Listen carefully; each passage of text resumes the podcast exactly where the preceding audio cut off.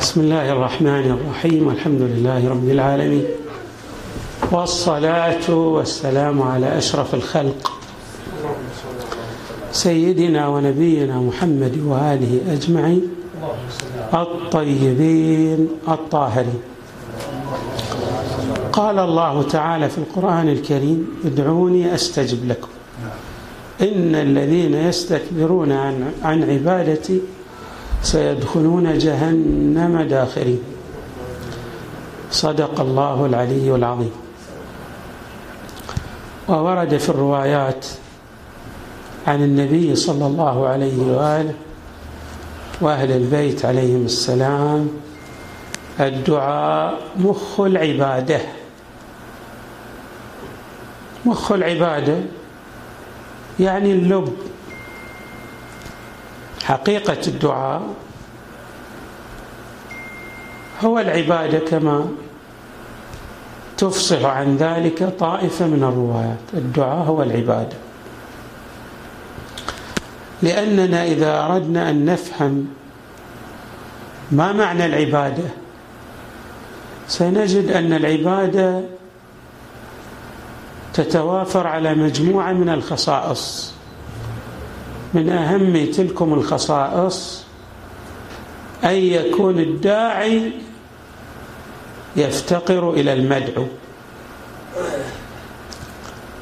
يحقق له مطلبا أو ينجز له أمرا من الأمور. وأيضا أن يكون المدعو أعلى رتبة من الداعي. وإذا أخذنا هذا المعنى في حق العبد مع الله سنجد أن العبد يدعو الله تعالى لأنه يعتقد أن الله تعالى هو الغني المطلق والقادر على إجابة الدعاء. وهو في قباله أي الداعي يعترف بفقره المطلق أيضا. يعني لما يمد يدي الضراعة بين يدي الله هو يفصح في حقيقة نفسه ويقول بلسان فطرته يا إلهي أنا الفقير في غناي كما يعبر إمامنا الحسين. فكيف لا أكون فقيرا في فقري؟ وأنت الغني المطلق. وبالتالي أفض على فقري من غناك. وامدد حاجتي وعوزي من فضلك ومن سعة كرمك. هذا معنى الدعاء. والروايات التي ذكرت أن الدعاء هو مخ العبادة. تريد أن تبين هذه الحيثية بمعنى أن الداعي لا بد أن يعترف في حقيقة نفسه بأنه هو عين الفقر وأن الله هو الغني, الغني المطلق. والله تبارك وتعالى أفصح عن هذه الحقيقة أيضا في عدة من آيات الذكر الحكيم. كقوله تعالى يا أيها الناس وأنتم الفقراء إلى الله. والله هو الغني الحميد. أي أنتم في حقيقتكم فقراء تحتاجون. والغني الذي يمدكم من فضله هو الله تبارك وتعالى. وهذه الحقيقة عامة. بمعنى يشترك فيها جميع الموجودات. من أعلى رتبة في الوجود إلى أخفض رتبة إذا صح التفاوت في مراتب الوجود. يعني الأنبياء والرسل والأئمة من أهل البيت والملائكة وسائر الموجودات. كل موجود من الموجودات هو في حقيقته فقير إلى الله. ما في وجود يستغني في وجوده عن المدد الإلهي. وقد أفصح عن هذه الحقيقة الأئمة من أهل البيت عليهم السلام. جاء شخص إلى أحد الأئمة من أهل البيت. الآن أنا لا أتذكر بس لعله الإمام الصادق عليه السلام. فقال له يا أبا عبد الله إذا كان الإمام الصادق عليه السلام يعني كلما نسألك نجدك بحرا من العلم وتجيب على كل الأسئلة جميع الأسئلة التي فهل هذا العلم من عندك أم هو من من الله تعالى؟ نريد الآن هذا مضمون الرواية بس نريد نشرح الرواية. أي أن, أن هذا العلم هل هو لديك من دون أن تستمده من عند الله؟ أو هو علم جاء من عند الله؟ أجاب الإمام عليه السلام بإجابة دقيقة جد دقيقة. قال عليه السلام لولا يمدنا الله لنفد ما عندنا. وهذا لولا يمدنا الله لنفد ما عندنا يعني نحن لولا المدد الإلهي لا غنى لنا. الغنى الذي نتمتع به إنما جاء من قبل الغني المطلق وهو الله. آيات متعددة وروايات وأدعية كما ذكرنا. الدعاء الإمام الحسين الذي نقرأه جبنا مقطع منه.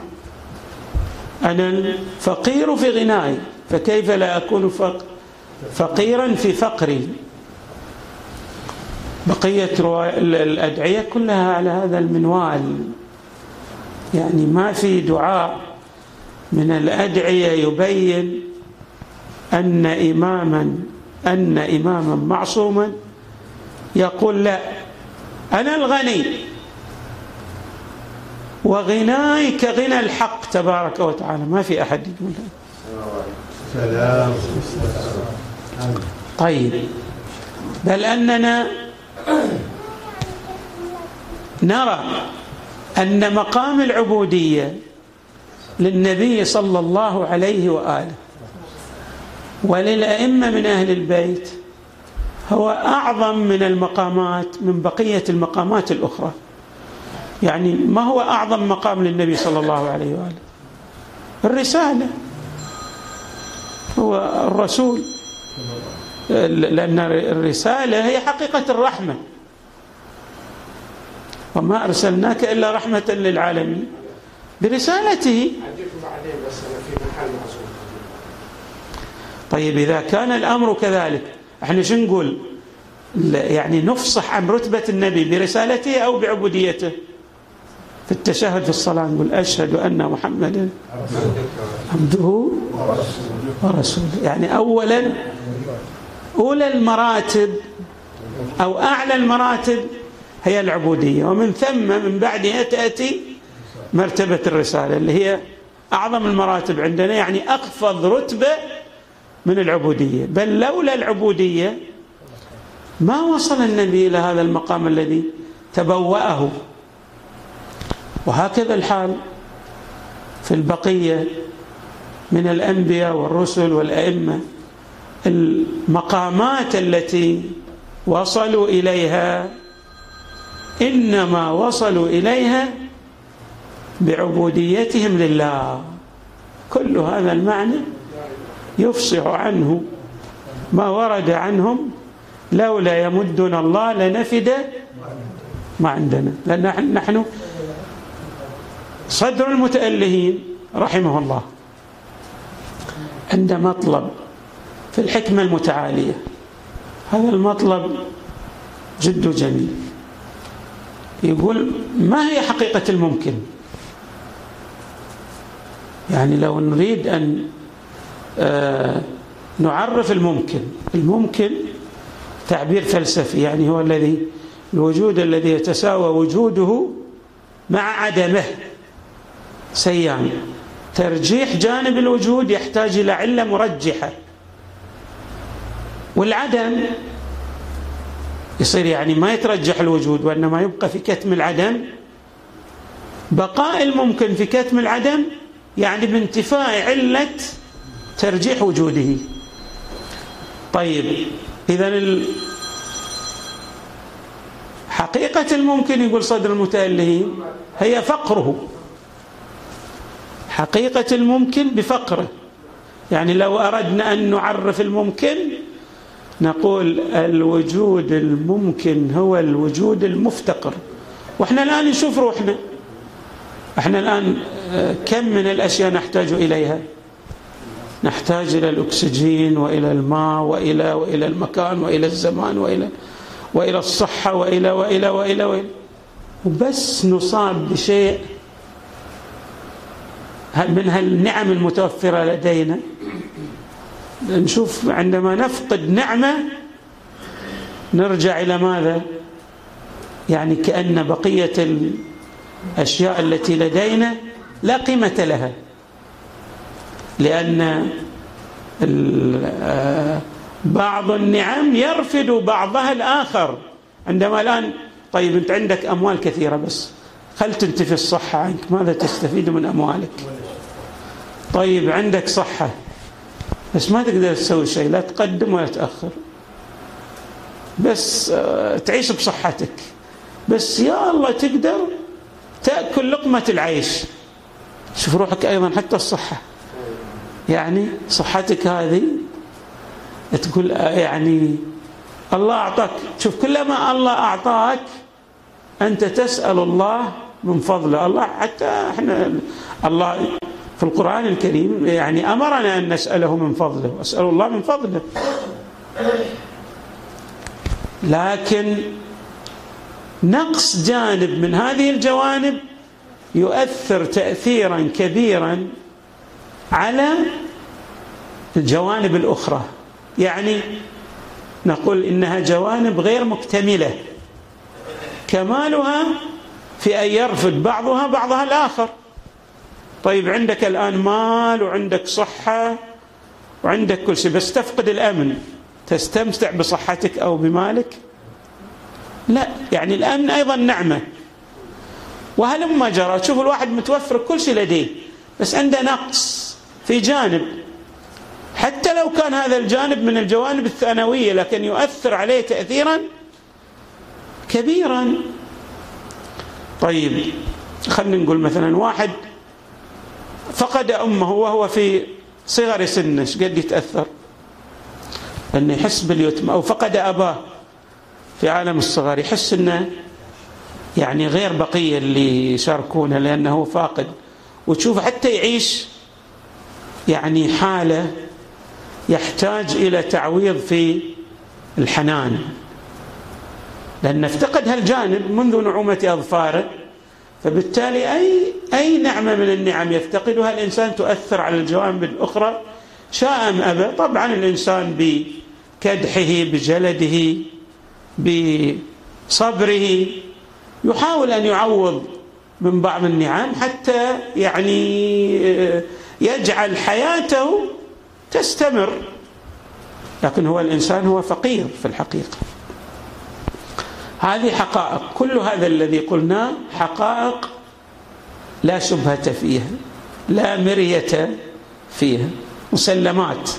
يعني قضايا رياضية في فكرنا الإسلامي في ثقافتنا وحتى في أدعية الأدعية التي جاءت عن أهل البيت عليهم السلام.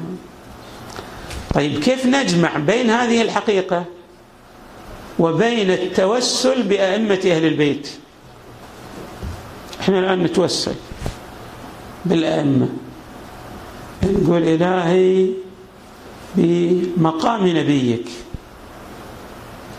بأسمائك الحسنى بالدماء التي سالت بين يدي الحسين عليه السلام. إلا رزقتنا كذا إلا فعلت بنا كذا. دائما نتوسل.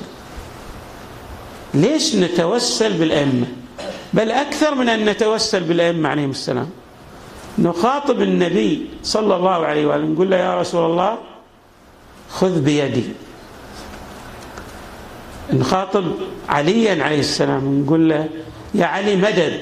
يعني أمد أمددنا بالفضل. إحنا الآن نتساءل هل نستطيع أن نجمع بين الثقافة السابقة التي لعلنا يعني سلطنا الضوء عليها شيئا ما. وبين هذا التوسل الذي نتوجه إلى الله بالنبي وبالأئمة من أهل البيت وأكثر. نخاطب المعصوم عليه السلام نقول له مثلا طيب أفض علي من الفضل الذي عندك. هل هذا يتنافى مع التوحيد؟ مع دعاء الله تبارك وتعالى؟ ظن بعض المسلمين منذ القديم مو الآن ظن هؤلاء أن لو خاطبنا نبيا من الأنبياء قلنا له مثلا يا نبي الله أفض علينا من فضلك. قالوا هذا يتنافى مع التوحيد. بل بعضهم خاطب المعصوم عليه السلام. شاف المعصوم المعصوم كان يتحدث لعل الإمام الصادق عليه السلام في حديث كان يتحدث كان بعض تلامذته موجود. قال هذا من فضل الله وفضل الرسول صلى الله عليه وآله قال له يا أبا عبد الله هذا شرك. شلون هذا الفضل كله لله؟ الفضل كله لله. كيف يصير فضل لرسوله صلى الله عليه وسلم؟ الإمام الصادق عليه السلام تلا عليه قوله تعالى وما نقموا إلا أن أغناهم الله ورسوله من فضله. قال له شلون الله يغنيهم وهم الرسول يغنيهم؟ قال هذا القرآن. يعني القرآن يحقق الشرك. هنا الإغناء جاي من النبي مباشرة في القرآن. يعني كما أن الله يغني النبي يغني. قال ذاك التلميذ للإمام عليه السلام قال له كأني أول مرة أسمع هذه الآية. يعني أول مرة أسمع هذه الآن نبغي نريد أن نفهم كيف نخاطب النبي أو الإمام المعصوم بهذا الخطاب. وكيف نلائم بين هذا الخطاب للنبي صلى الله عليه وآله أو للإمام المعصوم مع خطابنا مع الله؟ إحنا نشوف الآن مثلا نرى الصوفيين بأجمعهم ما يستشكلون. دائما مثلا يا رسول الله خذ بيدي يقولون. وكذلك الشيعة لا يستشكلون. بل بقية الفرق الإسلامية لا تستشكل في الطلب. وإحنا الآن أيضا لا نستشكل في أن لو جيت لك أنا مثلا أمر بأزمة مالية. جيت لك قلت لك انقذني ترى أنا في حالة يرثى لها. ما حد يقول لي يعني شو اسمه هذا ليش رحت لفلان؟ وعندك الله كان سألت الله مباشرة ليش رحت لصديقك؟ قلت له انقذني. هذا ان هو إلا عبد يعني. فقير هو مثلك في العبودية ليش رحت له؟ وقلت له انقذني. المفروض أن تتوجه إلى الله مباشرة. أليس هذا سؤال في محله؟ في الحقيقة هذا التساؤل يعني هو خلط. خلط بين مسألة الأسباب الأسباب في عالم الخارج وبين مسألة المسبب لهذه الأسباب. إحنا مثلا نقرأ في بعض أدعية الرزق إفصاحا هذا المعنى. شو نقول؟ نقول يا سبب من لا سبب له. يا سبب كل ذي سبب. سبب لي سببا لن أستطيع له طلبا. يعني في هذا الدعاء ماذا نخاطب الله؟ نقول له أنت جميع الأسباب الخارجية. يعني أنا أروى بالماء. عندما أظمأ. بس من الذي جعل الماء يرويني؟ إذا عطشت. الله. ولذلك في بعض الأحايين الإنسان عطشان ويشرب الماء ولا يرتوي. نشوف مثلا بعض المرضى الذين يصابون ببعض الأمراض. لو يشرب حتى يموت لا يرتوي. يعني معناه أن الإرواء يرتبط بقوانين. كل هذه القوانين من الذي أودع حقائق الأشياء أو خصائص الأشياء في الأشياء؟ الله تبارك وتعالى.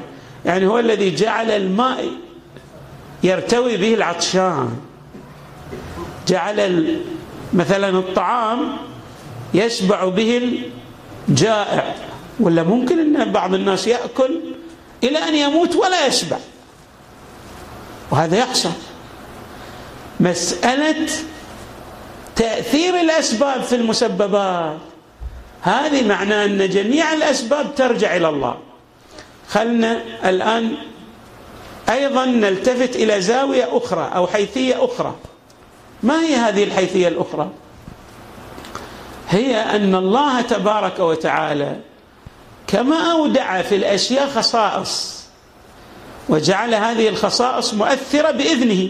يعني في الحقيقة شلون يعني جعل الماء كما قلنا يرتوي به العطشان؟ طعام أيضا يشبع به الجائع. خلى جعل هذه الخصائص لبعض الأراضين. يعني لما تجي تدعو الله في مكة يختلف هذا الدعاء في مكة. بينما هو الله وهو معكم أينما كنتم؟ والله في كل مكان. ليش خلى الدعاء في مكة يختلف عن أي مكان آخر؟ خلى خصيصة يعني ولا هو جماد؟ طيب ليش خلى الطواف حول البيت له هذه الخصائص؟ مثل ما خلى بعض الأطعمة تختلف في العناصر التي تحتوي عليها وتؤثر في الجانب الصحي للإنسان خلى بعض الأمكنة يعني لها خصائص. وأيضا الله خلى جعل بعض الأزمنة لها خصائص. طيب ليش إحنا ندعو الله في ليلة القدر أو في ليالي القدر أو في شهر رمضان؟ وممكن أن ندعو الله في طول السنة. وبالفعل إحنا ندعو الله طول السنة. بس ليش لماذا نجتهد في الدعاء في بعض الأزمنة الخاصة؟ لأن الله جعل هذا هذا الزمان الخاص يحتوي على خصائص لا تشتمل عليها البقية من الأزمنة. الآن نرجع. في شخص جاء إلى المعصوم عليه السلام. معصوم أحد المعصومين عليه السلام وأيضا لعله الإمام الصادق عليه السلام. بس هذه رواية موجودة. أي. قال أقول الإمام الصادق في الوسط. في الوسط وأتيحت له الظروف ما لم يتح لغيره. قال يقول أتباعك مضمون الرواية. أنك يعني تعلم بكذا وتعلم بكذا وتعلم بكذا. أنت كيف يعني هل هذه الأشياء؟ طبعا الإمام الصادق لما يأتي له بعض من هؤلاء الناس الذين يحتاجون عشرات المقدمات الامام ما يعطي جوابا. يعطي جوابا لمن له أهلية. إحنا مثلا الآن واحد مثلا شوفوا الرياضيات كلها واحدة بس نقدر نخلي بعض المعادلات يحل نعطيها للي يدرس في المرحلة المتوسطة والابتدائية؟ لا. لأن بعض المعادلات الرياضيات وإن كانت واحدة لكن هناك معادلات للي يدرس في الجامعة مستواه في الفهم العلمي أكبر أعظم. بالتالي لو أردنا أن نتخاطب وإياه يعني لابد أن يكون لديه أهلية علمية. يكون نلتفت إلى هذا.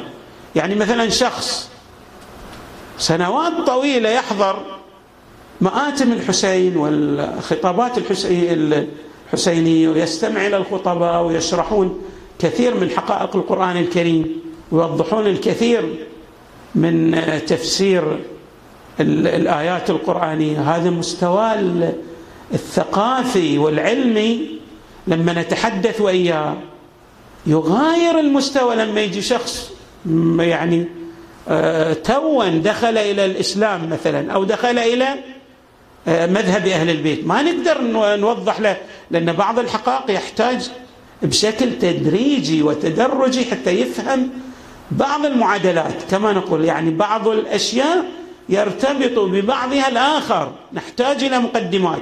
مثلا نحن الآن لو أردنا نصعد إلى السطح نقدر نقول يلا أسرع, أسرع لنا خلنا يعني مثلا نحط رجلنا على الدرجة الخامسة. الدرجة الخامسة نقدر؟ نطيح. لأن لابد أنك تصعد درجة درجة حتى تستطيع تستوعب المعارف والمعلومات. نجي الآن نرجع عودا على بدء. لما قال الإمام ما أجابه بس لما طلع هذا السائل أو أجاب أجاب شخص آخر سأل السؤال. قال له الله قادر أن يجعل هذه المعارف والمعلومات في ذبابة أو في بعوضة؟ قال له الله قادر. أكيد الله قادر. قال له أنا أكرم على الله من البعوضة أو من الذبابة يعني. إذا قل الله قادر يعني يقول للإمام هذه الخصيصة الله أعطاني إياها. الله أفاضها علي. ليست جاية من تلقاء نفسي. هو المشكلة الأساسية أنهم يظنون. حتى الآن مرت عليكم يعني قبل فترة وجيزة. يعني بعض الخطابات التي كانت تمارسها السلطة العباسية في يعني يقولون مثلا في الأزمنة السابقة ولا زالت تستخدم حتى اليوم. يعني هذا هو يخاطبون الإمام موسى بن جعفر يقول هذا إله الرافضة إله الرافضة. هم يعتقدون بألوهيته ولكن تعتقد الشيعة بأن هذا الإمام المعصوم ليس هو رجل عادي كما يعبر بعض الناس أو هو عالم كسائر العلماء. الأنبياء والرسل والأوصياء يختلفون عنه. يوضح القرآن ذلك في قوله تعالى قل إنما أنا بشر مثلكم. أنا مثلكم بس عندي فارق. شو الفارق؟ يوحى إلي أنما إلهكم إله واحد. فمن كان يرجو لقاء ربه فليعمل عملا صالحا ولا يشرك بعبادة ربه أحدا. يعني التوجه الأساسي هو إلى الله والله أعطاني هذه الخصائص. أنا يقول النبي بهذا يعني بمنطق هذه الآية أنا لدي اتصال وثيق بعالم الغيب. هذا لا يتاح لكم ليس ليس لديك هذه القدرة. وكان جميع من يتخاطب مع أهل البيت عليهم السلام يتعجبون من القدرات اللي إحنا نعبر عنها بتعبيرنا الحديث. هي ما يمكن أن تحصل. حتى لو أخذت يعني آه، كنت تتمتع بقدرات هائلة وإبداعية ما يمكن أن تصل إلى مقام المعصوم يعني ممكن أن تصل إلى مقام أمير المؤمنين تقول سلوني سلوني قبل أن تفقدوني. ما تقدر. ولا يمكن أن تصل إلى مقام الإمام الحسين. شوف الجواد عليه السلام لما هو طفل يقدر مثلا سيد البروجردي وهو أحد المراجع الكبار لما يعني يتحدث عن كلام عن كلمة عن سؤال الجواد ليحيى بن أكثم عندما سأله ما تقول في محرم قد قتل صيدا. وقعد يفصل له الإمام الجواد هذا في عمر ثمان سنوات. قال لا قتله في حل أم في حرم. من صغار الطير أو من كباره مبتدئا أو معيد وقام يفصل له. ذاك أصلا يعني بهت. ما عرف مو بس هو بهت. سيد برجل يقول أنا هذا تخصصي الفقه. ما أقدر أفرع التفريعات. أنا مرجع الطائفة ما أقدر أفرع. يعني يبين لك أن المعصوم. هكذا إحنا نشوف لما نقرأ الروايات نشوف الالتفاتات التي القرآن ترتبط بأهل البيت عليهم السلام. وهذه مسألة تشكل فارقا جوهريا بين من يؤمن بإمامة أهل البيت وبين من لا يؤمن بالإمامة. من لا يؤمن يقول علي كسائر الصحابة هو حال حال غيره ما في. حتى بعد مو بس بعد كسائر الصحابة ما حتى علي مثل معاوية بس أصلا. مثل معاوية شو الفرق بين علي ومعاوية؟ ده صحابي وده صحابي. ده إحنا عندنا لا. علي عليه السلام هو نفس النبي كما يتحدث القرآن. علي عليه السلام لديه اتصال بعالم الغيب. علي عليه السلام هو الحجة. ولذلك النبي صلى الله عليه وآله يقول عنده كلام. إحنا الآن الميزان الذي نميز به الحق والباطل. شلون نميز الحق والباطل؟ أولا نتعرف على الحق. ومن ثم نعرف من يتبع الحق ممن يتبع الباطل. في علي الميزان هذا يختلف. النبي يقول علي مع الحق والحق مع علي يدور معه حيثما دار. يعني أنت ما في غير علي ما تقدر تميز بين الحق والباطل. أول تعرف الحق ثاني تعرف الشخصية الكبيرة هل هو من أتباع الحق أم لا؟ بس في علي ما تقدر تطبق الميزان. لأن عليا عليه أينما وقف هو هذا الموقف هو الحق. يدور معه حيثما دار المسألة في مسألة الأئمة المعصومه حتى لما نتوسل. وهذا الكلام حتى جاء به في عيسى في موسى عليه السلام. وهذا الكلام حتى سئل به الإمام الحجة عليه السلام. سؤال طويل للإمام الحجة. والإمام السؤال كان للحسين بن روح. حسين بن روح قال لا أنا أسأل الإمام الحجة. يعني أحد النواب. أسأل أشوف شلون يجاوب الإمام الحجة. يعني كانوا يتعجبون من المعصوم من المعصومين ومن الأنبياء والرسل. يقول له مثلا إحنا نتعجب من موسى عليه السلام. كيف مثلا يضرب البحر وينفلق له البحر. وفي مرة مثلا يعني يخرج خائفا يترقب. اللي عنده القدرات ليش يخاف في بعض الأحيان؟ واضح لنا الفكرة؟ وحتى موسى بن جعفر ليش يظل 14 سنة مسجون؟ وأيضا ينادى على جنازته بكذا. وكيف الإمام موسى بن جعفر يتمتع بهالقدرات الكبيرة اللي هو همزة وصل بين الحق والخلق؟ هذا مسألة يعني الكثير ممن لا ينتمي إلى مدرسة أهل البيت لا يعرف المعادلات في هذا. بل حتى من الصعوبة أن تشرح للشخص ما لم يعني تتدرج وإياه درجة درجة حتى تعرف على مقام المعصوم وتالي يستوعب هذه الحقيقة. ولا يصعب عليه أن يعي معنى مكانة الإمام المعصوم عليه السلام. ما يقدر يعرف لأنه يحتاج إلى مقدمات. إحنا دائما نقول كل النتائج تتوقف على فهم المقدمات. إذا الإنسان ما يفهم المقدمات ما راح يفهم النتيجة. مستحيل يفهم النتيجة. ليش؟ لأن المقدمات التي تتوقف على النتيجة لا يعيها. الآن نريد نختم. لو إحنا الآن سألنا النبي قلنا يا رسول الله اغننا ارزقنا أعطنا الشيء الفلاني. إحنا أصلا هل نعتقد أن الرسول هو إله؟ لو كنا نعتقد أن الرسول هو إله يعني في رتبة الله يصير هذا شرك قطعا شرك. طيب لو اعتقدنا أن الرسول يستطيع الله منحه هذه القدرة. الله يقول هو الله يقول الله يتحدث في القرآن الكريم. القرآن الكريم هو الخطاب الإلهي. شو يقول عن عيسى عليه السلام يحيي الموتى. بينما الله يقول أنا المحيي المميت. فما معنى أن عيسى عليه السلام يحيي الموتى؟ هو القرآن يقول بإذني بإذني. يعني أن عيسى عليه السلام هذه خصيصة أنا أعطيتها اياه هذه مو جاية استقلالا من لدن عيسى. عيسى بحد ذاته لا يستطيع أن يحيي الموتى. لكن الله كما أعطى الماء خاصة الارواء أعطه عيسى خاصة الإحياء. طيب يبرأ الأكمة. إلى الآن طيب الأكمة تعرفون الأكمة شنو؟ الأكمة اللي ما في عيون مرة واحدة يعني بس كله جبهة مو في عيون ويخلي العين مريضة أو العين ما في بس مكان العين ما موجود. عيون ما في أكمة. عرفنا؟ هو بس يمسح عليه ليش سموه المسيح؟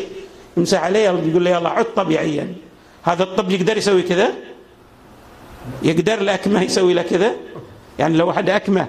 ما في حتى مكان للعيون ما موجودة يجي عيسى يقول بس أنا أمسح عليك كذا. هذا هذا ما يجري حتى عملية. يعود هو يصير إنسان يرجع طبيعي وكذا. طيب هذه الخصائص هل هي ذاتية لعيسى عليه السلام؟ قطعا لا. بإذني الله يقول بإذني بإذني. نفس الخصائص التي كانت. حتى لما يحن الجذع أو الجدع لرسول الله صلى الله عليه وآله. لما يسبح الحصى بين يديه. لما كل هذه الظواهر التكوينية الله يريد يقرب بها الخلق إلى رسوله. يقول لهم ترى هذا أنا أفضت عليه أنا أعطيته أنا جعلت هذه الشخصية تفرق عن بقية الشخصيات. لأني أريد ماذا؟ أن أوصل الخلق إلي عبر طريقة. وهذه مسألة جدا صعبة على الناس إلى يوم الناس هذا. شلون صعبة؟ يعني أنا أقول تشوفون حتى بعض الفلاسفة لما أرسل لعيسى كتب له رسالة. قال له هذا أنا من عيسى وأنت يعني كذا أريدك أن تؤمن بالله. قال هذه حق أوام الناس أنا يعني مو مو ما يقدر يخاطبني عيسى. المفروض أن يكلم بقية الناس. يعني الإنسان إذا صار عالم بعد أيضا يصاب بشيء من الغرور العلمي. مثل إذا صار عنده مال أو إذا عنده صحة أو إذا عنده جاه. صاب بشيء من الغرور والكبرياء فما يتقبل. فلم يتقبل يقول له ترى ترى إحنا مثلا يقول له النبي ترى أنا حجة تشوفون بعض الناس اللي قال له النبي صلى الله عليه وسلم ترى هذا حجة الله على الخلق. قال له يا رسول الله نجاهد بين يديك ونقتل وتقول لنا صلوا ونصلي وهم زكوا ونزكي ونفعل وكذا. وبعدين بعد الإمرة على الناس لأنه يرى أن الإمرة هذه شيء كبير. هذا ما قال للنبي صلى الله عليه وآله بعد أنه ترى هذه مو بس إمرة كذا. يعني لو قايل النبي أعظم من الإمرة قايل له ترى حقائق عالم الوجود كلها ترتبط بوجود علي. يقدر يستوعب هذا؟ الأعرابي هو قال له أنا بس يكون أمير. قال خل تنزل علي حجارة من السماء وأتخلص. ما يقبل حتى يصير أمير. وإلى الناس إلى يوم الناس هذا ما يقبلون. ما يقبلون. المنهج الإلهي صعب أن تقبله. وإذا بتقبله تقبله بشكل يعني مجزأ يعني في شيء يصب في صالحك. حتى تقول أقبل أما بشكل العبودية المطلقة وهذا الفارق بين يعني الناس اللي يصلون إلى درجات عالية من الإيمان. حتى يعني لأن المعارف الإيمانية ترتبط بمبادئ. منها مبدأ أنا دائما أسميه المبدأ التراتبي. وهذا يحتاج له يعني شرح وإيضاح شلون يصير هذا المبدأ التراتبي حتى يصير الإنسان يتعمق درجات الإيمان في شخصيته. ولا يقبل الناس أن يمشوا أي يسيروا أي يمشوا على هذا المنهج التراتبي. ما يقبلون. يعني يبغي هو يريد أن يصل إلى فهم العمق والمحتوى الحالة حتى من دون مقدمات. حتى يقول أنا أعرف. ولذلك الآن نشوف كثير من الناس بالخصوص يعني اللي إحنا نسميهم أنصاف مثقفين. هو ما يدري لا درس في حوزة ولا عرف ولا يفهم باصطلاحنا إحنا. كوعة من بوعه ومع ذلك يتيح لنفسه أن يفسر القرآن. مع ذلك يتيح لنفسه أن يرد على العلماء. مع ذلك يتيح لنفسه أن يناقش في آه، أعمق القضايا من الناحية العقدية والفلسفية والحكمية. وهو أصلا ما دخل لا حوزة علمية ولا درس. بديهيات يعني المطالب العلمية ليست موجودة لديه. ما عنده مقدمات. ويمكن حتى لغة عربية ما يفقه فيها. تقول له تكلم الآن. قل له تكلم انت تقدر تتكلم باللغة العربية؟ شوف ما يقدر يتكلم باللغة العربية. قل له اخطب. راح تجد مثلا عليه آه، عشرات الأغلاط في اللغة العربية. طيب أنت إذا لا تفقه اللغة العربية كيف تتيح لنفسك أن تتحدث أنك تستطيع أن تفسر القرآن الكريم؟ يقول اي لأن القرآن الكريم هذا نزل على عامة الناس وأنه الجميع مخاطب به. صحيح مخاطب به الناس. بس أنت لست أهلا أن تفقه آيات القرآن. أنت لست أهلا. أن تفقه حقائق الأحاديث الواردة عن النبي والأئمة من أهل البيت. هذه حقائق تحتاج إلى عشرات المقدمات وتحتاج إلى تخصص. يعني ممكن أن تفهم القشور لكن من المحال أن تصل إلى اللب. محال. شفتوا فهم محال لأن هذه تحتاج إلى مقدمات. كي الواحد يستطيع أن يدرسها. ولا شو يصير الواحد؟ يعني أنا الآن أقدر هل يتاح لي أنا أنا شخصيا؟ الآن أشوف مهندس كيميائي وأقول له أنا والله درت قرأت في المجلة الفلانية والمجلة الفلانية عن الهندسة الكيميائية وبالتالي أنا أعطيه مثلا. هذه يسمونها ثقافة وثقافة ضحلة جدا. لا تتيح للإنسان أن يضع يده في الأمور التي لا يعرفها. وباصطلاحنا نقول هذا يهرف بما لا يعرف. ولكن شو تسوي بعد؟ الآن وسائل التواصل الاجتماعي أتاحت لكثير من هذا الغث الهائل أن يعني كل منهم يدلو بدلو وهم يعني إفسادهم كثير في الحقيقة على النشء وعلى الناس خصوصا الصوم إذا كان مثلا هذا الذي يهرف بما لا يعرف كان متدين ويلازم الصف الأول أو يواظب على صلاة الجماعة بس ما عنده علم. فالناس تخلط. ما يسألون عن علمه يقول لك هذا والله يصلي في الصف الأول. هذا كذا. طيب ما عنده علم ما درس ما يعرف كيف يتاح له أن يجيب عن هذه الأسئلة وهو ليس بمتخصص بالخصوص في المجال العقدي وحتى في المجال الفقهي. ترى المسألة تحتاج إلى شنو؟ إلى دراسة إلى علم إلى تريث. إحنا الآن قمنا نخلط الحابل بالنابل. واضح؟ لعلي يعني هذه مثل ما يقول نفتة مصدور ولكن يعني آه، بينت رؤوس أقلام وإلا المطالب التي يعني ترتبط بهذا الجانب هي مطالب جد كثيرة وعميقة وتحتاج إلى يعني آه، شخص عنده قدرة وعلم علم كي يستطيع أن يفقه ويفهم هذه المسائل التي ترتبط بالعقائد. صلى الله وسلم وزاد وبارك على سيدنا ونبينا محمد وآله أجمعين الطيبين الطاهرين.